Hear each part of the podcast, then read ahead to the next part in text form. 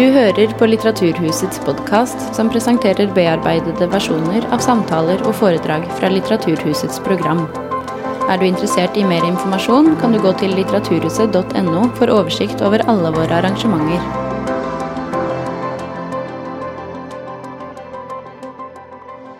Kjære alle sammen, velkommen til Litteraturhuset og dette som er 2024s første arrangement, med Jonas Hassen Kemiri og Marte Spurkland. Fint att se att eh, många av er har kommit trygt fram till trots för eh, snökaos idag. Mitt namn är Madeleine Gjeddemet, och jag jobbar med det litterära programmet här på huset. I 20 år nu så har Jonas Hassen Kemiri varit en nyskapande stämma i den svenska litterära offentligheten. Sedan debuten Ett øye från 2003 har han tematiserat identitet, språk, makt och maskulinitet i skrivningen sin.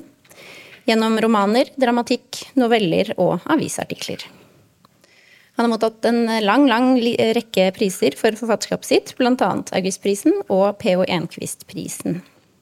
Med sin eh, nyeste bok 'Søstrene', som er oversatt av Andreas E. Østby, beveger Kemiri seg over i et nytt litterært landskap. Romanen er storslått, både språklig og i det den prøver å favne, og kan minne om 1800-tallets detaljerte realisme eller den moderne amerikanske romanens episke fortellerstil. Ved å følge de myteomspunne Mikkola-søstrene i Ina, Evelyn og Anastasia gjennom tre tiår, så skildrer søstrene også et Sverige i endring og løfter spørsmål om rotløshet, fremmedgjøring og lengselen etter å høre til. Kemiri har ikke lagt skjul på at romanen også henter inspirasjon fra hans eget liv, og hovedpersonen Jonas har mange likhetstrekk med Kemiri selv. Flere elementer går derfor inn i en slags dialog med det tidligere forfatterskapet. En far som försvinner, en son som måste finna sin egen plats utan ham, och en identitet delt mellan tillhörighet och utanförskap. Nu gläder vi oss till att höra mer om Jonas och Mikola-systrarna när Kemiri nu möter författare och journalist Marte Spyrkland här på scenen Ge dem en varm applåd.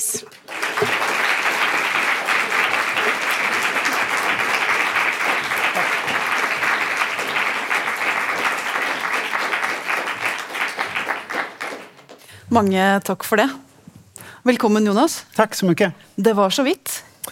Vad sa du? Det var så vidt att du kom frem i dag. Ja, det var så himla nära att jag, inte gjorde det. For du landet på Gardermoen. Oavsett hur det går här ikväll så kommer jag bara så är jag så glad över att jag kom fram. Men jag, jag kom fram, men min väska är nog i Amsterdam. Ja. Men jag flög från Paris. Ja, nettopp. det är luddigt hur min väska... men jag... Eh, det känns jätteroligt att vara här. Jag har precis varit och... Um, jag bor ju i USA nu, men jag har ett jobb som innebär att jag två gånger om året undervisar i Paris. Så att jag har varit i tio dagar och Eh, träffat elever som jag jobbar med som vill, drömmer om att bli författare. Så sitter vi i, och pratar om, pratar om strategier. Hur ska vi bli bättre på att göra det här eh, yrket? Och det är väldigt, väldigt roligt. Mm. Så det är det som jag gjort. Jag jobbar med fem stycken elever över terminen och liksom, medan de skriver sin, eh, som en uppsats i masterprogrammet på NYU. Och sen så eh, varje gång som man kommer dit ska man liksom göra ett craft talk, som det heter, som en föreläsning som handlar om vad man... Eh, ja, ger dem någonting som kan vara hjälpsamt och sen så gör en läsning. Så då läste jag för andra gången i livet ur den här, fast på engelska. Då. Oh, ja. Så det var kul. Mm. Så nu är jag här. Veldig Utan väska. Uten væske, men med deg selv. Det er mm. veldig bra. Og fint å se så mange her også. Vi var jo litt engstelige for at salen skulle bli litt tom da jeg skulle ta trikken hit i dag, så sto det at 'ikke reis hvis ikke du må'. Eh, mm. Så det betyr jo at alle som er her, er her fordi de må være her. Mm. det er fint. Jag, jag liksom facetammade med mina barn när jag gick av planet och så bara för jag ville visa dem en annan planet. Kolla, så, så här kan det se ut. och då sa min nästa No one's gonna come dad. ja, jag, hör, jag hörde det som som ett mantra under dagen när jag liksom gled runt här i Oslo. No one's gonna come. Mm. Det är väldigt kul att, att Alla att här, här blir med på selfie etterpå, så det går bra. Mm. Men till saken. Um, Søstrene. Ja. Jeg leste den over juleferien. Og altså, for en lesning! For noen historier, og for noen karakterer, og for noen liv og for noen følelser du skriver. Tusen takk for det. Takk. Um, den är ju en tykk sak. Mm. Uh, mange sider. Det gick väldigt fort. Ja. Uh, jeg raste gjennom. Eller det var lite så att jag började läsa och så glömde jag tid och sted. och så var jag ute på den andra sidan. Ja, fantastiskt. Jag blir så himla glad över det. Därför att den handlar ju mycket om tid. Och när, jag, när den först... På svenska är den 723 sidor, så den är mer än dubbelt så lång som min förra bok. Och när jag... Eh, när den kom ut på svenska, då skickade jag den till lite kompisar så här, liksom innan den publicerades. Och då fick jag lite så ironiska mess från dem där de liksom, eh, jag hade en kompis som liksom använde den så som en, mässen att han använde den som en hantel. Så, liksom snarare än att läsa den. Um, men uh, den är liksom lite nättare på norska. Ja, alltså, jag hade ju manusbunken. Ja, just det. Den var inte så nätt. Nej, nej. nej. Vill jag säga. Nej, men det finns en logik i det här. Och jag, uh, en logik är bara att jag alltid har velat skriva en bok som kan stå av sig själv. Ser ni det? Den behöver inget ställ, den bara står. Jag tycker det är väldigt coolt. den är en bokstötte. Ja, men den, ja, och att jag, så har jag alltid drömt om att liksom skriva en bok som är tjock nog så att titeln får plats horisontellt mm. på bokryggen. Och då måste man antingen ha en väldigt, väldigt kort titel eller en väldigt tjock bok. Och här går det precis som ni ser. Um, men lite mer allvarligt så kan jag säga att jag, eh, när jag var i Paris så var jag på en utställning eh, av en målare som jag tycker mycket om, som heter Mark Rothko, som jobbar i väldigt, väldigt stora format. Ni vet de här fyrkanterna som liksom på något vis, ett, ett sätt att förstå dem, som är, i alla fall min, mitt sätt att hitta en logik, varför jag blir så otroligt berörd av dem. För mig så känns det som när jag blundar. Det, det är liksom den intimiteten som han skapar på stora, stora jag tror ni har sett de här stora rektanglarna som ofta eh, två eller tre rektanglar och starka färg, färgfält. Och han hade ett citat där som, jag, som eh, jag tyckte var fascinerande. Att han pratade om att intimitet kräver en stor skala, eller en stor, like large scale. Mm. Och det som han menade då tror jag att, alltså vi tänker ju ofta att intimitet be behöver, behöver, att vi jobbar med små, små detaljer och att läsaren eller mottagaren behöver komma nära. Och det tror jag också är sant. Jag tror att det är det som är så svårt med de här sakerna. Det är också en annan sorts intimitet. Vi behöver liksom tystna och titta nära. Det kan vara intimitet. Men det som han menar med den här storskaliga, att han började jobba, han jobbade figurativt och sen så blev de bara större och större och större och mindre, mer och mer abstrakta tills han når de här liksom, gigantiska färgfälten. Det är väl att eh, de här färgerna blir större än den egna världen mm. på något sätt. Alltså att det går, det, när, när jag står och tittar på de här tavlorna så känns det som att världen försvinner. Mm. Um, och uh, inte för att jämföra mig med Rothko, men jag har, ganska, jag har vissa sådana läsupplevelser i livet. Där jag har varit så djupt inne i en bok. Så att det, de som är på utsidan känns overkliga. Jag, och det var väldigt länge sedan jag hade en sån upplevelse. Men jag hade en sån upplevelse. Under pandemin så läste jag Krig och fred av Tolstoj. Och jag hade bara läst Anna Karenina innan och liksom lite noveller och sådär av Tolstoj. Jag visste, jag älskar Anna Karenina, men det var någonting med Krig och fred som, jag, som gav mig den där känslan igen. Att jag levde i världen. Och att liksom, mina vänner och mina barn och min fru, de var också verkliga. Men det var någonting annat som pågick i den här boken. Och just då, den, jag, liksom, jag vet att vara en 45-årig författare som sitter och jämför sig med Tolstoj, vad det är. Men jag vill säga då att så här, jag, jag det går att jämföra sig med sina idoler, för det är inte konstigt att vi försöker imitera det som... Det vore jättekonstigt om vi inte försöker skapa det som har förändrat oss mest. Och den där boken drabbade mig så hårt så att jag satt... Jag gjorde ljud när jag läste. Du vet den känslan? Ja, ja. Även när jag var uttråkad. Vissa delar är så tråkiga så att ögonen blöder. Så är det ju också. Den är jätteojämn, men det är det som är poängen med den. Den är ojämn för att livet är ojämnt. Mm.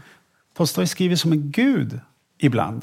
Och ibland så är han så tråkig så att vissa av de här krigsscenerna är så tråkiga. Så att, uh, men, men att det är också en del av livet. Så att han blir på något vis mänsklig i och med att han inte är perfekt.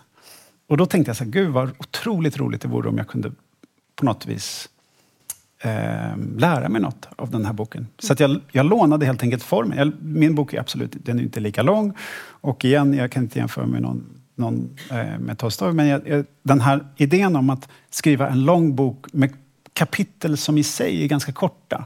Det var liksom en, en ingång.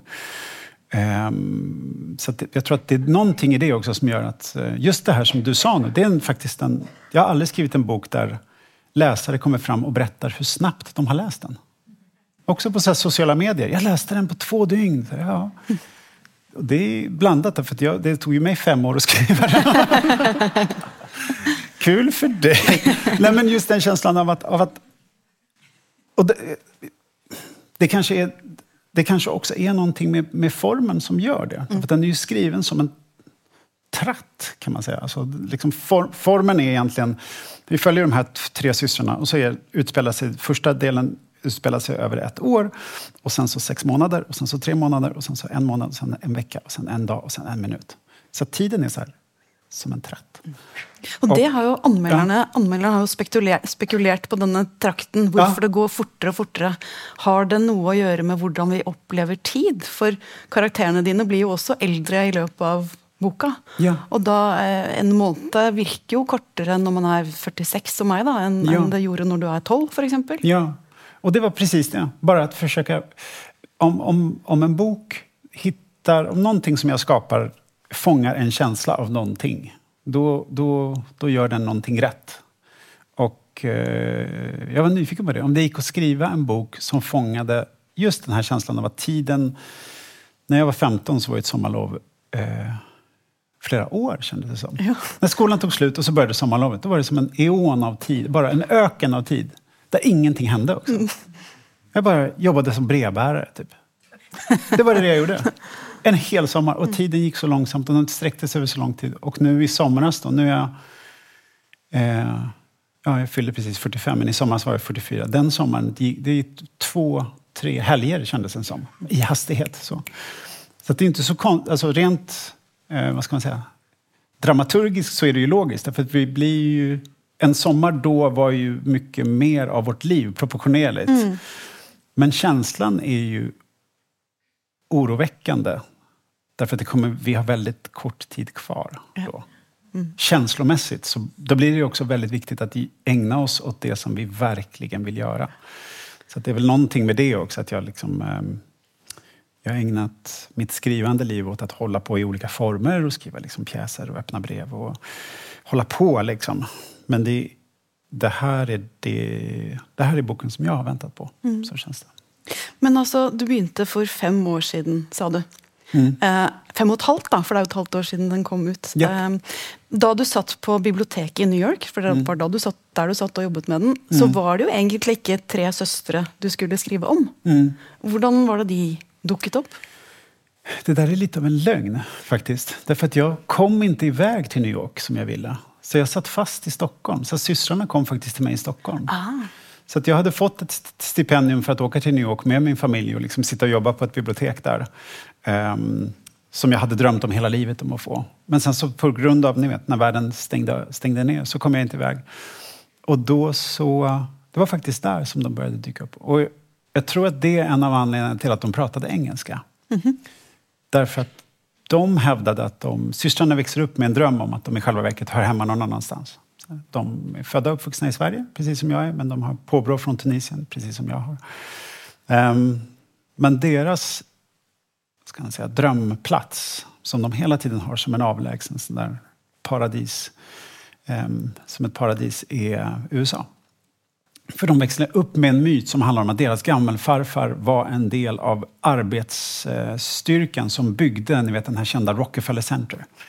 Så det finns liksom en familjemyt som säger att det är där de egentligen hör hemma. Så det finns väldigt starkt i dem.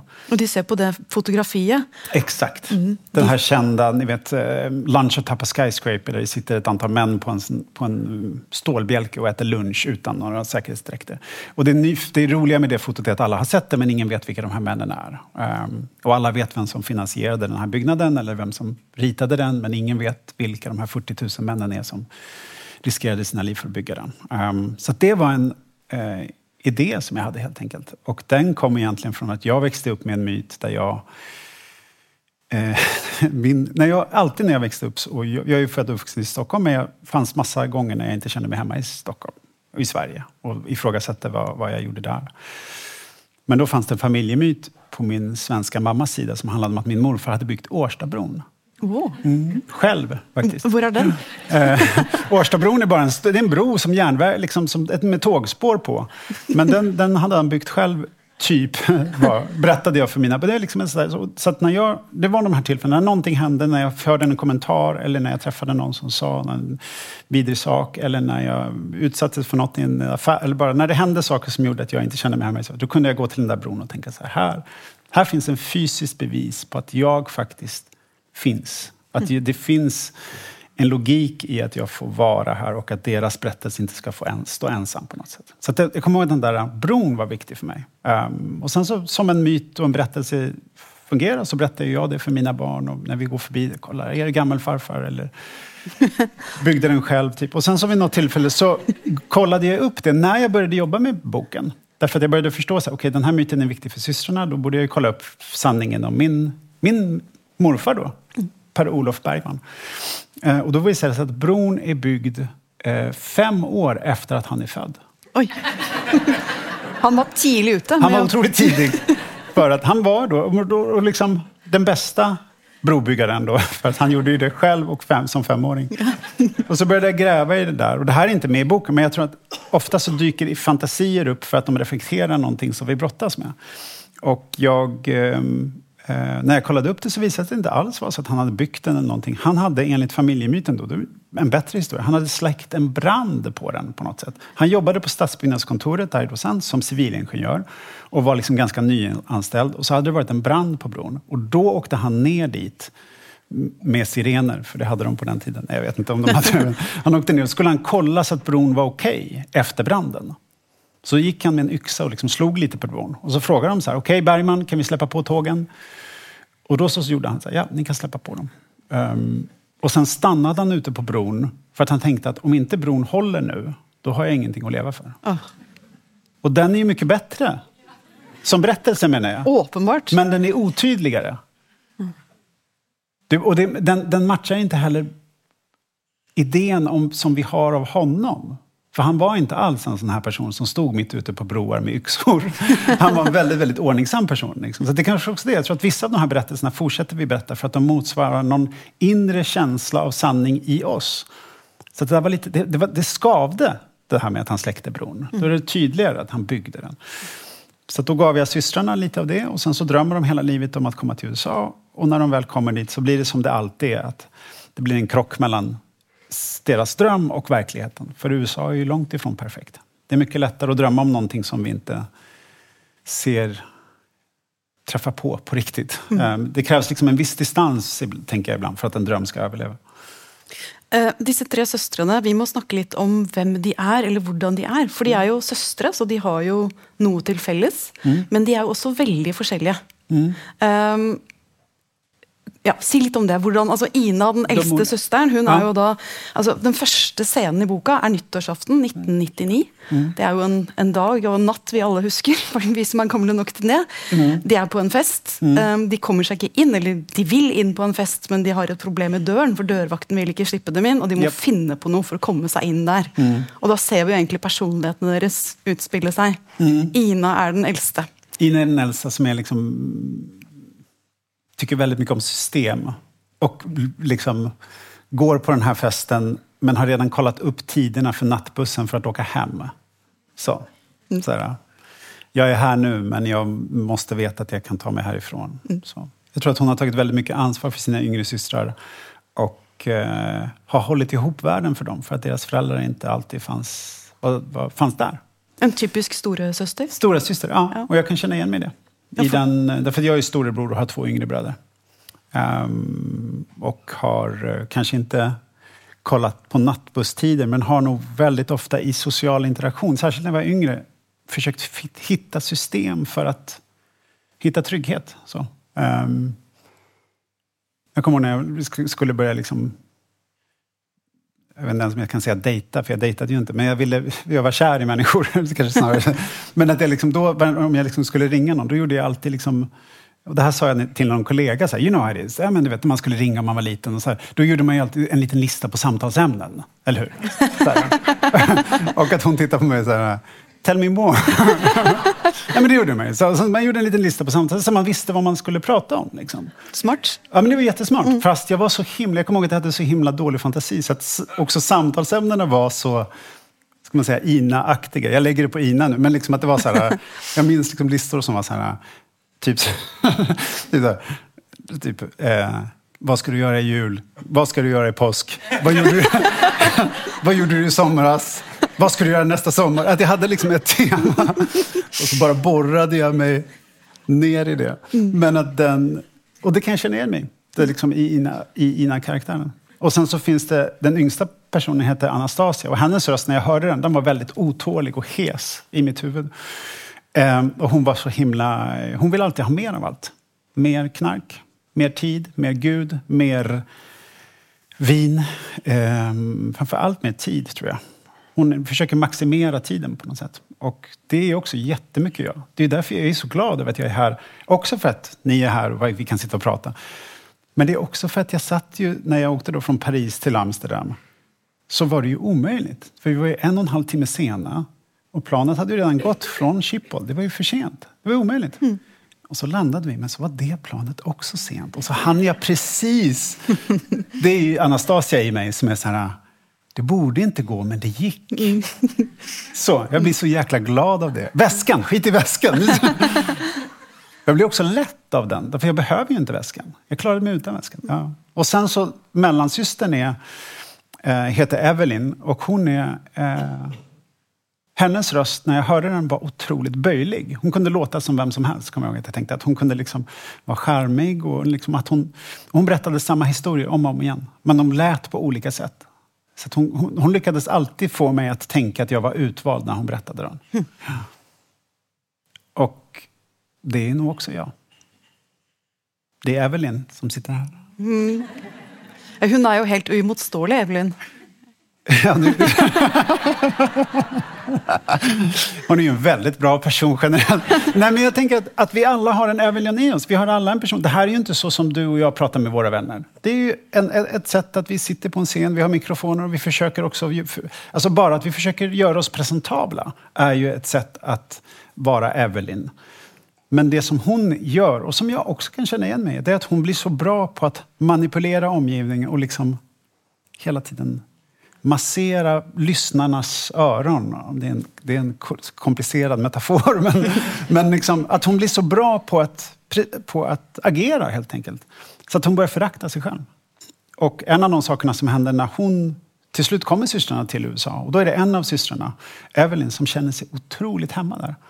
Och det tror jag har att göra med att hon liksom känner sig fri från sitt eget, eh, sitt eget beteende. Um, och det kan jag också känna igen mig Alltså nu när vi bor i USA så var det en sida av mig när vi flyttade dit jag kände så här, vad är den här friheten? Ja, men en sida var nog det, att jag liksom kunde vara anonym och att jag inte... Eh, jag kände att jag liksom kunde slappna av i ansiktet på något konstigt sätt. Mm. Det var väldigt befriande. Som du inte kan i Sverige, eller?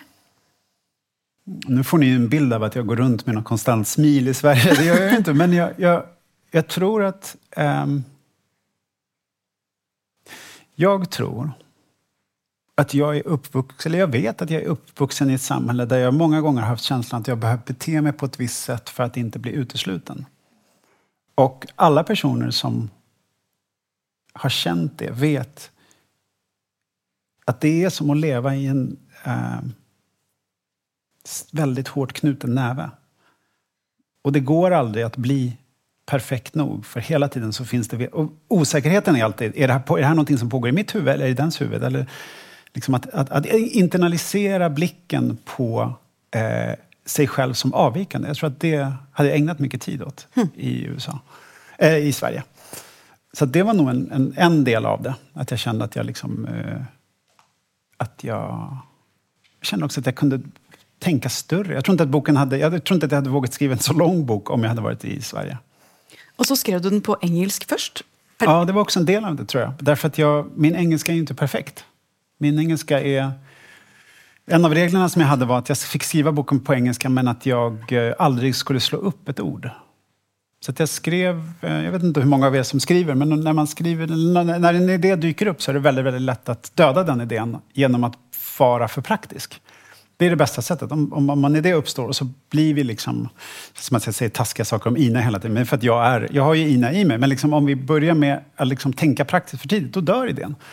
Så systrarna började prata engelska, då följde jag med dem. Då skrev jag deras röster på engelska och så följde jag med på deras resa. Och så började min, mina personliga minnen dyka upp. För att varann, boken är strukturerad så att varannan, varannan, varannat kapitel handlar om systrarna och varannat kapitel är ett personligt minne som jag har. Och sen så efter ett tag börjar systrarna dyka upp i mina minnen och sen så börjar jag dyka upp i systrarnas historia. Så att gränsen mellan vad som är fakta och fiktion börjar luckras upp när man läser. Men Jag tror aldrig att jag hade kunnat skriva eh, jag hade inte kunnat skriva de personliga minnena på svenska. Så kändes det. Det gjorde för ont att skriva det på svenska. Men det gick jättelätt på engelska. Och regeln var då att jag aldrig fick slå upp ett ord. Så det finns en scen till exempel som spelas i Tunisien där jag och systrarna åker ner till för att försöka lära oss arabiska. För vi har alla usel arabiska. Eh, och min farmor sa alltid till mig när jag kom ner dit och Eh, jag pratade då franska som är kolonialspråket och hon pratade arabiska. sa hon alltid så här, om du kommer ner hit någon gång så kom, och talar arabiska kommer jag ge dig material för tio böcker. och så kom jag ner dit varje år och så sa hon det varje gång och så kom jag aldrig ner med bra arabiska. Och sen dog hon. Mm. Um, um, och då så... Um, då finns det en tvättmaskin i en lägenhet där. Och då så skrev jag bara washing machine in... Men så kom jag inte på ordet för frigolit. Uh, som är styrofoam. Men då i första draftet, draftet, det svenska ordet, första utkastet på den som jag skrev på engelska, då skrev jag bara Frigolite. bara någonting. För liksom att, att, att, inte stanna upp för att det inte... Och det är igen tillbaka till att, att det finns inget tråkigare än en text som är perfekt. Mm. Det är mycket roligare att vara i närvaron av en text som, som, som lever. Då, då. Så skrev jag hela, hela boken på engelska och sen så i och med att jag är en svensk författare så hamnade vi i ett konstigt läge där jag liksom inte visste vad vi skulle göra för att vi behövde ju publicera den på svenska. Eh, och då skrev vi hela boken igen på svenska. Icke rart det tog fem år. Eh, ja, och sen så då, nu kommer den ut på USA, eh, på engelska i nästa år. Eh, och då frågade mitt amerikanska förlag, so how are we gonna do with the English translation? Så då skrev jag den igen på engelska. Utan att slå ord, eller? Men den gången den gången så ändrade jag inget. Mm. Därför att första gången jag skrev den till svenska första gången, då var jag en o... Eh, Andreas som är här är ju liksom en fantastisk översättare som är trogen och ser saker som jag inte har sett i texten. Men när jag översatte mig själv till svenska, då var jag väldigt otrogen eh, översättare. Mm. Så jag ändrade ju hela tiden saker. Så det var roligt, då var jag ju fri. Men sen när jag skulle gå tillbaka för tredje gången, då, då krävdes det mycket kaffe. Mm. Och, god, och godis för att muta mig själv och fortsätta. Men, mm. men, eh, men nu känns det väldigt fint att den finns. Mm. De tre systrarna är ju bundet samman av något mörkt. Alltså det är en, de har fått en förbannelse från sin mor. Japp. Berätta om den. Japp. Um, deras mamma svek sin syster. En gång i tiden, för länge sedan, så svek hon en person som hon älskar. Hon kommer aldrig kunna gå tillbaka och ändra det. Och den som har gjort något liknande vet att så är det. Det går aldrig att gå tillbaka. Det går att hantera den skulden eller smärtan genom att kanske... Ett sätt att hantera den är som mamman då är övertygad om att hon har en förbannelse satt på sig. Um, som egentligen går ut på att om ni någon gång blir lite, tycker om någonting lite för mycket, då kommer ni förlora det. Så att därför så flyttar systrarna och mamman från plats till plats till plats och är livrädda för att egentligen tycka om något för mycket. Så att en av de större resorna i boken är att systrarna måste förstå, de måste hitta ett sätt att hantera den här fruktansvärda berättelsen. Tror de på den? Ah, vad, tror vi på någonting egentligen? Vad, vad tror, liksom de här, alla de här skrocksakerna. Det är klart, jag gjorde en intervju en gång i New York där sa fotografen på en bokhandel, de hade en sån här stege där, för att kunna nå böckerna som var allra högst upp. Och så sa fotografen, det blir så fint om du ställer dig under stegen så ja. kan det rama in ställde jag mig väldigt nära stegen. Han bara, no, no, no, you need to be... Like, försökte under... Det är klart att jag inte tror att världen kommer rasa för att jag ställer mig under en stege. Men jag kommer inte ställa mig under stegen. Jag, kommer, jag står nära stegen, så här, håller en, ena armen inne. Men jag, och det, det, är ju så de här alltså vidskeplighet, men också berättelser fungerar. Det här är ju en berättelse som de har hört så ofta så att de tror på den, kanske inte. Men så fort någonting dåligt händer, mm. då aktiveras den. Ja. Och så finns det motsvarande, i och med att de här två systrarnas historia och min historia eh, så att säga, speglar varandra hela tiden, så finns det en förbannelse i mitt liv som är att efter mina föräldrar skilde sig så uttalade min pappa en förbannelse på mig och mina bröder som är liksom en helt annan karaktär, men som präglade mitt liv mycket. Där han helt enkelt sa till min mamma att du kommer inte fixa det här. Du kommer inte klara av att uppfostra tre söner själv och dina, de, dina barn kommer gå under utan mig. Mm. Och jag hörde när han sa det. Um, och då är du ganska ung, är du inte det? Ja, jag är väl 13-14 mm. typ. Så det är precis den där tidpunkten när jag i, liksom, min, i dramaturgin i mitt liv ska jag på något vis göra revolt, men så försvinner han ur vårt liv. Och jag är livrädd för att det där ska bli sant. Så att jag ägnar hela livet åt att åt att göra vad som helst för att inte, alltså vad gäller betyg, vad gäller eh, trevlig på stan, vad gäller hålla upp dörrar, vad gäller... Tänk om han har rätt. Mm. Tänk om den där... Tänk om, tänk om jag någon gång kommer falla på det där sättet som han sa att jag skulle göra. Mm. Och det konstiga är att om man lever i en förbannelse, i rädslan för en förbannelse i 10, 12, 15, 20 år, då är det ju det som är förbannelsen. Mm. Det är ju inte rädslan som är... Det är rädslan som är förbannelsen. Mm. Det var någonting jag insåg långt senare. Att, att, att jag var tvungen att utmana den berättelsen för att inte gå under. Mm. Och det, det gör Jonas i boken också. Alltså utmana den, inte går under.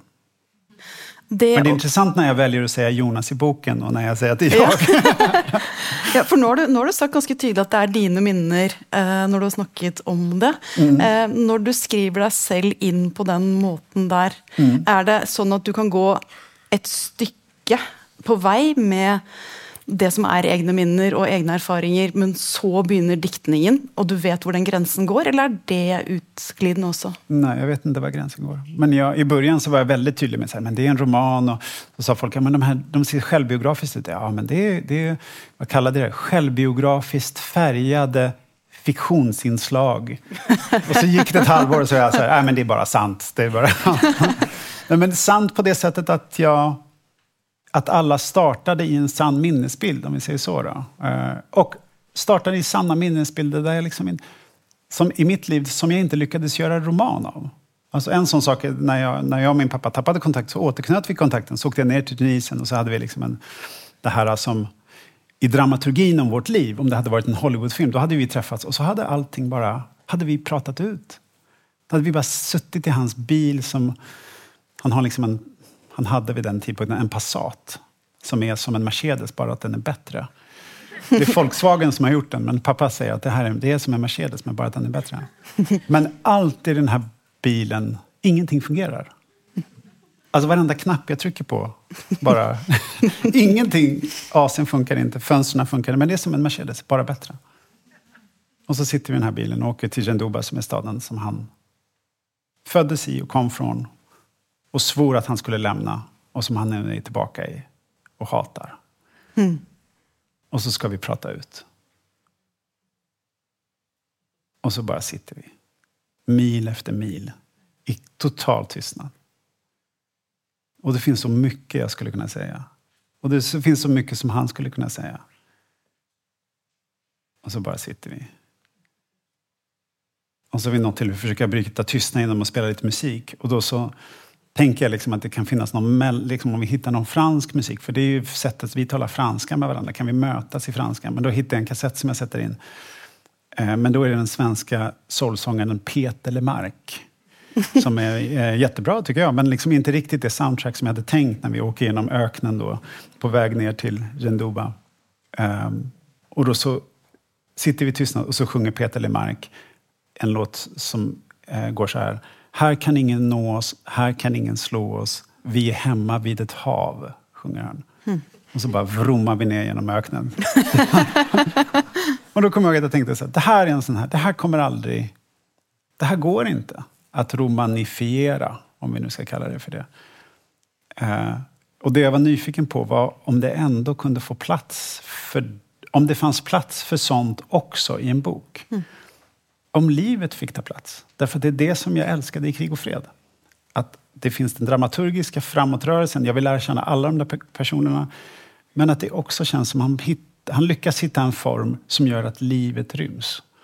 Um, och det är det som gör att jag ibland studsar ut ur nyskrivna böcker, därför att de känns så uh, så mycket som artefakter. Så att jag försökte hitta ett sätt att göra det. Och jag är inte säker på att det fungerar eller inte. Men när, när jag skrev den så... Jag tror att det också är den här som du sa med ett framåtrörelse, att den går snabbt att läsa. Jag tror att det, nyckeln kan också vara det. Att det är fiktion, sanning, fiktion, sanning. Och sen så att de sakerna blandas. Mm. Men du var inne på tidigare det som inte var perfekt, eller det som inte ja. ger mening. Det är det du på något sätt prövar att ge plats? Ja, men det är väl också för att jag förlorat massa skrivtid på att försöka vara perfekt. Mm. Flera år. Jag skrev en lång, lång bok som var så himla bra. Den var den smartaste bok jag skrivit. Full av massa olika röster. Jag kommer ihåg att jag kom på idén till den. Så kom jag ihåg på riktigt så tänkte jag så här. Därför att PR-avdelningen på mitt förlag har alltid haft så svårt att presentera mina böcker. Men det här var så smart idé. Det här kommer de älska. Det är ett tecken om något på att ni är på fel spår. Om ni skriver PR-avdelningen kommer älska det här. Ni, det är ett tecken på att ni är på... Men jag, min, jag höll i den där idén och klamrade fast vid den och skrev 300 sidor. 300 A4 för att vara specifik. Och så lämnade jag det till min fru. Dansade runt i köket och var superstolt. Också ett varningstecken när man är så stolt. Därför att det ska inte, man ska inte känna så. Man ska känna att det är läskigt att släppa ut det i världen. Och så läste hon det. Hon är världens bästa läsare. Super, alltså fantastisk. Så ärlig. Har alltid rätt, tyvärr. Um, och så läste hon det och så återkom hon och så sa hon eh, Jo, men det är jättebra. Jag blir, jätte, jag blir jätteimponerad. Och så var hon tyst. och så sa hon de helt mördande orden. Men Jonas, jag vill inte bli imponerad. Jag vill bli berörd. Oh. Och då dansade jag iväg med de här 300 sidorna till papperskorgen. och så slängde jag dem och så började jag om. Och så skrev jag pappaklausulen efteråt. Mm. Som är en PR-avdelningsmardröm. Vad händer? Ja, det är det är ett, det det vi följer en knepig familj under tio dagar. Och mitt i boken dyker ett, en död syster upp som ett spöke. Sälj det om ni kan, Gyllendal. men, men den boken är liksom mil bättre än den där klumpen som jag var tvungen att mm. slänga. Och som, så som livet fungerar så var det ju massa av de sakerna som sen dök upp i pappaklausulen. Det är ju det som är så konstigt också. Så ibland måste vi liksom skriva. Jag, jag är en sån författare som behöver skriva mig fram till det. Och om det är någonting som jag försöker bli bättre på är att det är okej okay att, att, att göra så. Mm. Um, så att jag Förut så när projektet inte blev som jag ville, då hade jag liksom en speciell fil, eh, som en, en grej på datorn där jag liksom samlade alla de här, liksom, som en kyrkogård av misslyckade projekt. Eh, men då så, eh, min fru sa till mig, men du borde byta namn på den. Vad heter det? Inte katalogen eller den här, eh, vad heter det, där man samlar filer på datorn? Jag tappade det ordet. Mappe? En mappen, tack. Ja. ja. Um, du borde byta namn. För jag, jag, tror att namnet var typ så här, tecken på att du är obegåvad. Alltså något sånt. nej, men bara någon sån, så här, tid, nej, men tids, för, någonting med tid, att jag hade förlorat massa tid. Mm. Och då så sa hon, du borde byta namn. Jag tror att det är bra för dig att byta namn på den. Och vad ska jag kalla den då? Hon bara, kalla den för skalor. Vad för något? Skalor. Skalor? Vet du vad skalor är? Nej. Det är när man ska spela piano. Skalor? Ja. ja. Piano så gör man... Övelser? Och det måste ju göra det för att fingrarna ska... Jag, gjorde, jag, använder till jag har kvar den. Så att varenda gång ett projekt inte blir som jag vill, då lägger jag den i skalor. Och så har jag till och med en liten emoji på den här mappen. Så att en liten piano-emoji. ja, ni kan skratta, men det funkar. Mm. Därför då, då, tänker, alltså, då tänker hjärnan, ja, men vi övade i alla fall fingrarna. Och så mycket, det tänker jag mycket med eleverna som jag jobbar med, så mycket av att ska ha ett långt skapande liv handlar om att lura sig. Alltså hitta trick för att fortsätta. Det låter jättebarnsligt, emojis och skalor, men det förändrar sättet som vi tänker. Mm. Och det är ju någonting som boken handlar jättemycket om också. Alltså om det går att förändra sättet att tänka. Och det är jag övertygad om att det går. Mm. Det är ju um, pappan, pappan till Jonas i boken. Då. Ja om jag måste säga det, roman-Jonas har en far. Låt mig bara säga det på den måten, så håller mm. jag mig på den trygga sidan, så kan du... Ja. Mm. Uh, efter skilsmissen så blir han djupt deprimerad. Yep. Uh, och kommer sig inte, klarar inte att hantera det. Och då, han försvinner ut av sitt liv och Jonas sitt liv. Uh, och senare i livet sitt så blir ju också Jonas, roman-Jonas, dypt deprimert. Japp. Og den måten det skildres på i boka, er så fascinerende, syns jeg. fordi at det skildres ved at Jonas skriver brev til Evelyn. Eller skriver e-post, egentlig. Og han vet Ja. ikke engang om hun er der ute, men han skriver til henne. Veldig personlig og forteller om depresjonen. Hvordan den er. Og så ser vi det ved Evelyns øyne. Hun syns det er kjemperart at hun får disse mailene fra denne fyren som hun ikke vet hvem er. Og det er veldig corny, det hele. Så jeg på, samtidig skjønner jeg at dette er kjempealvorlig. Dette er virkelig stort alvor og nesten farlig for Jonas. Men det er jo også lattervekkende og komisk i måten det fremstilles på. Det syns jeg var så lurt. Altså, jeg, måtte du gå til det litt sånn komiske eller lattervekkende for å kunne skrive det dype alvoret? Jag tror att det är det som känns sannast. Att det också finns humor när det är som mörkast. Jag jobbar med en eh, elev nu som skriver om en... Eh, hon är en överlevare efter en massskjutning. Fruktansvärt mörk text. Hon är väldigt rolig. Varför är hon rolig? För att hon måste ha, hon måste ha syre. Vad, vad, vad gör man om man har förlorat alla sina arbetskamrater? En gärningsman kommer in och skjuter på tidningen som man jobbar dödar, alla, dödar en massa ens arbetskamrater och säger i vittnesmålet att har du några ånger? Jag ångrar att jag inte dödade henne, som då är hon som skriver texten. Vad gör vi då? Ja, men då måste jag, den, den, jag, den där humorn som hon använder i sitt skrivande, det är en otrolig text. Det kommer att bli så bra. Det är liksom, den är i process nu. Men hon använder den humorn för att om, hon inte, om inte den finns så går hon under.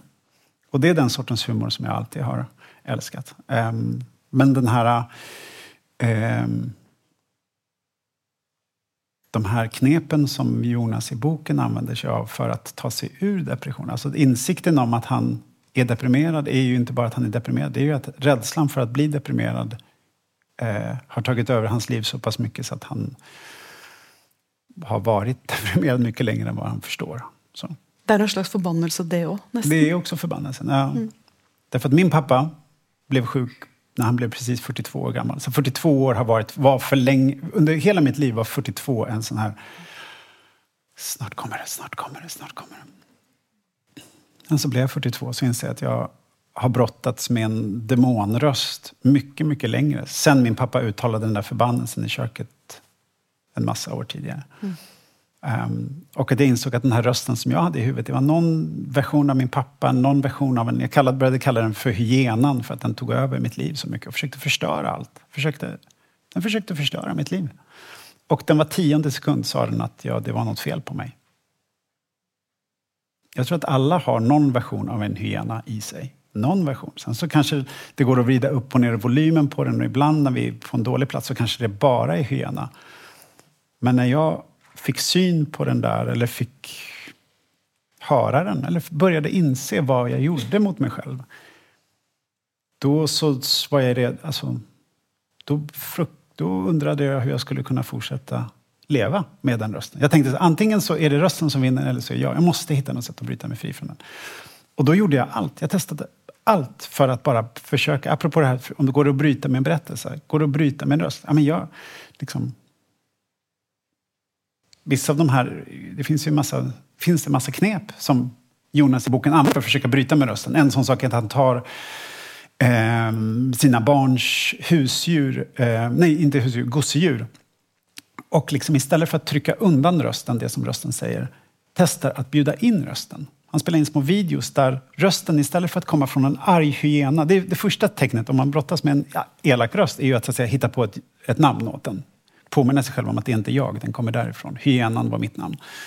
Um, och sen så provade jag helt enkelt, jag gjorde ju allt alltså, som fanns. Uh, inklusive spelade uh, flygsimulator och läste André Agassis självbiografi. och badade isbad Och jag gjorde allt. Eh, André Agassis eh, självbiografi kanske lät konstigt, men det var bara att jag, liksom, jag, jag visste att jag hade en viss typ av böcker som jag läste. Och så läste jag en annan sorts böcker. Jag visste att jag brukade ta kall, varma duschar. Ja, men då tar jag isbad då istället. Och sen så testade jag den här grejen. Istället för att trycka undan rösten, som jag hade gjort i hela mitt liv. Jag tror att hjärnan, om vi trycker undan en röst, så tror jag att hjärnan har full koll på den rösten hela tiden. För hjärnan tänker, den där rösten är livsfarlig. Då testade jag att bjuda in den. Och då, prov, då gjorde jag en metod som heter ACT. Det funkar väldigt bra om ni är lite liksom röstbundna, eller om ni är författare. Ja, eller om ni hör röster också kanske. Men, men det är väldigt, väldigt bra, därför att då plötsligt går den här rösten som ni tror att ni är livrädda för. Att, att det jag gjorde var att jag bjöd in den. Och testade att låta den få spelrum. Men då plötsligt, det jag gjorde var att jag gav den rösten till ett hus, ett gosedjur. Och sen så la jag på ett filter så att rösten inte blev farlig. Det var liksom min egen gjorda terapimetod. Så att först, istället för att låta liksom, som den lät i mitt huvud så la jag på ett filter. Plötsligt lät den som så här piff och puff. Ni vet de här. Och, och, och det, var, det var en av de... Det var helt otroligt. Någonting som var livsfarligt var bara bi, bi, bi, bi, bi. Och så testade jag andra, för det, fanns, det var en app då som jag använde. Det fanns en app som så plötsligt lät den som, som T-Pain, den här sången. det var så himla befriande. Någonting som jag har varit livrädd för lät plötsligt som att han hade så här audio tune och sjöng för mig. Um, jag tror att det finns en... Jag, sen så har jag testat, alltså jag har också sagt det här till vänner som... Jag tror att vänner som har brottats med no, någonting liknande, jag har sagt det här, men gör det här, ta barnens gosedjur, spela in videos. Och resultatet har varit blandat kan jag säga. Det är, det är verkligen så att många har liksom... En vän som gjorde det, bara, jag blev bara, bara så här efteråt. Ja, men provade du? Ja, men jag provade det. Hur gick det? Jag blev bara jätte, jätte, jätte, jätteledsen. Mm. Så att det kanske inte funkar för alla. Men för mig och hur jag har liksom, jag har ju levt med röster hela livet. I 20 år har jag gått runt och skrivit utifrån de här rösterna. Jag sa ju att boken började med röster också. Mm. För mig så var det någonting, det hjälpte otroligt mycket. Och sen som med massa annat också. Och att ha liksom familj och vänner och allt sånt runt omkring sig. Men det viktigaste är att det går att skifta sin berättelse. Mm. Och det är därför som Jonas i boken mejlar till Emily, äh, Evelyn och skriver de här sakerna. Därför det var den sannaste versionen av den där krisen mm. som jag kunde hitta. Men det är sant att den, den kommer mot slutet av boken och den är skickad via Evelyn. Det kanske var därför Evelyn var tvungen att gå till, äh, åka till USA. Ja, för att de mejlen skulle kanske, sändas över havet. Ja. Ja. Um, och precis samma veva som hon åker till USA och liksom eh, så, så dör en vän till mig som heter Emma. Det är, också, det är ingenting som är planerat, men det är någonting med att hon åker till USA och får ett nytt liv. Och så dör en vän till mig här. Alltså, jag vet inte. Det, det är någonting att vår, våra liv envisas med att hela tiden spegla varandra. Um. Jag upplever också att boken har flera mysterier. Eller, alltså de, de prövar att finna svar. Både på vem de är, hvor er hjem, hva skjer hvis jeg ikke er sånn som jeg pleier å være, hva er nå denne forbannelsen, kan den stoppes, hva er historien om farfaren min? Og så er det jo litt varierende grad vi får de svarene, da. Mm. Og hva slags svar de får. Mm. Men hva, hva, tror du om det? Er det det å være på jakt etter noe? Er, er det sånn mål, veien er målet her? Eller hvor viktig er det å finne de svarene på de spørsmålene? Um jag tror att vi alltid... Eller, jag tror att det är så himla naturligt att vi vill liksom ha ett, eh, ett, ett klart svar. Att livet ska liksom ge en, ett rosettsvar. Att det ska liksom vara, men livet är ju sällan så. Ehm, men om jag ska vara helt ärlig, så en, en, en annan sak är liksom också att, att det finns också någon sån där... Vi kan också, eller jag upplever att jag ibland skyddar mig för att jag inte vågar följa med på en berättelse hela vägen. Det är också modigt att säga så här, det här är vad som hände under 40 års tid så utvecklas Anastasia från att vara en knarkande liksom, vettvilling till att bli en person som faktiskt hittar kärlek. Mm. Det hade jag aldrig vågat skriva för 20 år sedan. Och det var en av de sista sakerna som jag ändrade i boken. Jag höll på att jobba igenom den för sista gången.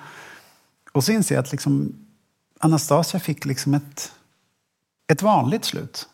Och så det var någonting, jag var i Florens och undervisade och bara vaknade upp mitt i natten och tänkte, jag håller på, jag gömmer mig. Därför att jag förnekar henne kraften i hur ens liv kan förändras fundamentalt av att bli kär. Mm. Det var som att jag visste det, för det har hänt mig. Jag, jag vet det.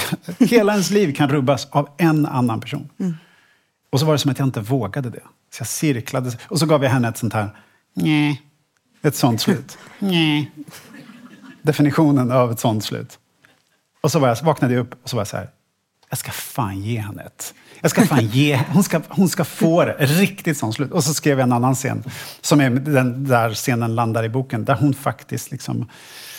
Um, där hon får en liten smak av hur, eh, hur magiskt det kan vara att träffa en människa som, som matchar en, som kompletterar en, som, som förgyller en, eller förgyller, det var konstigt, eh, som, som, nej men som, som skapar en känsla av att eh, min känsla när, jag, när det har hänt mig så har det alltid varit en känsla av att jag äntligen sitter ihop med världen. Mm. Och någonting liknande hände Anastasium mot slutet. Och det kändes som att det krävdes ett visst mod och också en viss mognad. Det hade jag inte vågat göra för för 20 år sedan. Mm. Jag ändrar också synen på förbannelsen till systrarna genom boken. Mm. For til å begynne med så tenker jeg at dette er forferdelig. De kan ikke tillate seg å elske, og de kan jo ikke tillate seg å få vennskap, og for alt de er glad i, skal de miste.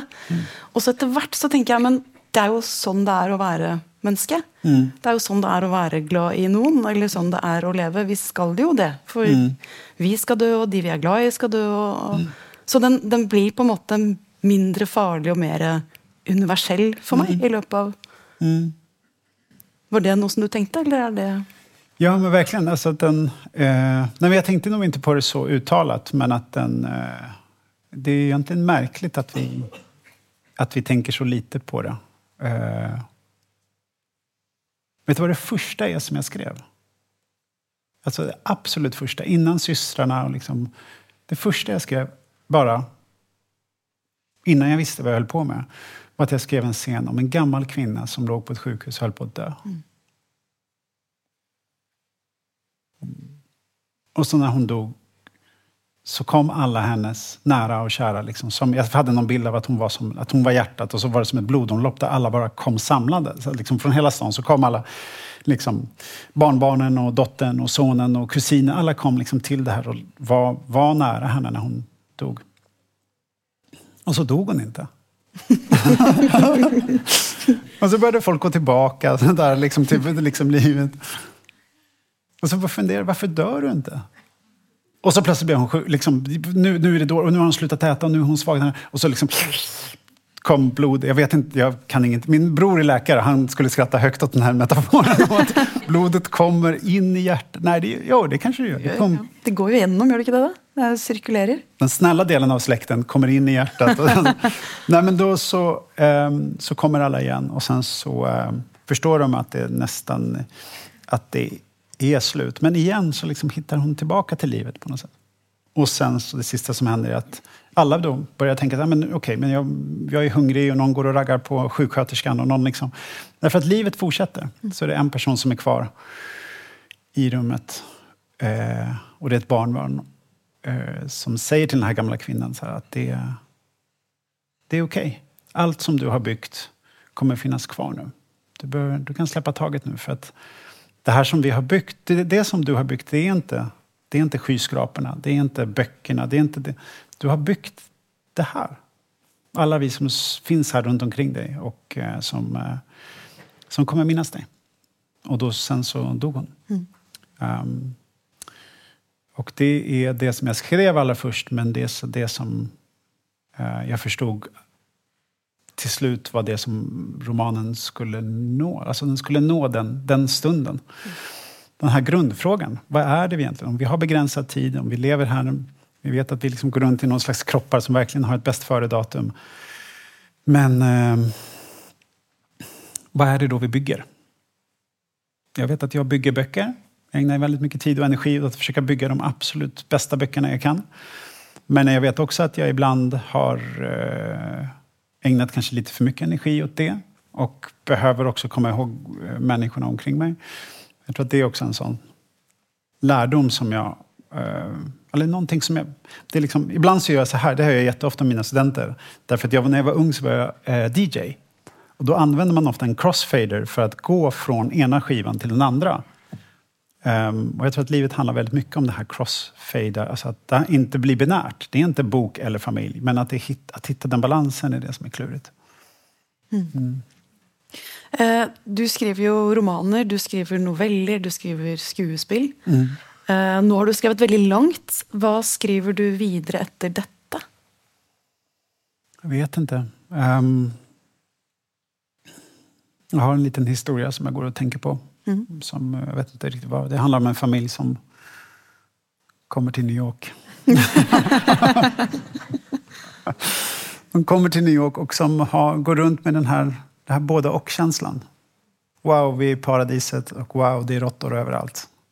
Uh, wow, vi är i paradiset. Wow, vår... men, så, så, där som menar man på, så som det var för oss också. Att vi kom dit, kände wow, vilken frihet.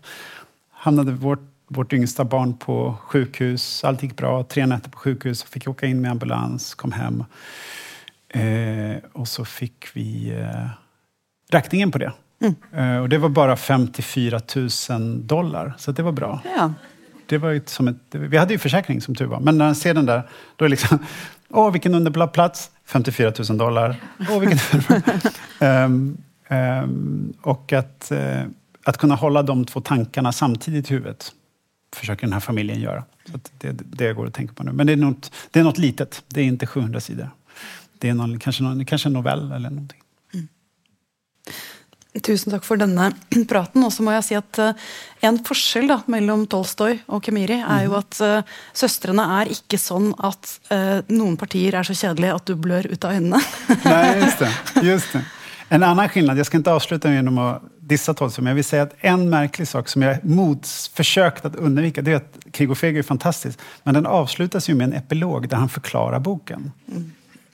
Och det är en intressant lärdom för alla som vill skriva något, att, att att inte göra det då, helt enkelt. att inte förklara, att det är väldigt, väldigt svårt. För till och med för en sån magnifik författare som Tolstoj så är det väldigt svårt att inte reducera effekten av det du har skapat om du visar att du vill förklara det. Mm. Så.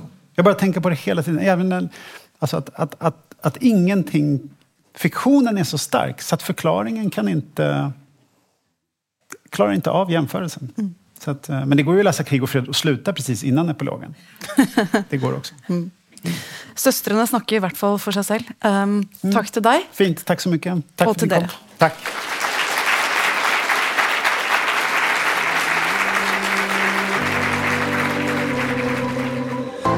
Du har hørt på Litteraturhusets podkast, som presenterer bearbeidede versjoner av samtaler og foredrag fra Litteraturhusets program. Del gjerne podkasten med familie og venner via iTunes eller Soundcloud om du liker det du har hørt. Følg oss også på Facebook og på litteraturhuset.no for informasjon om flere aktuelle arrangementer. Musikken er laget av Apotek.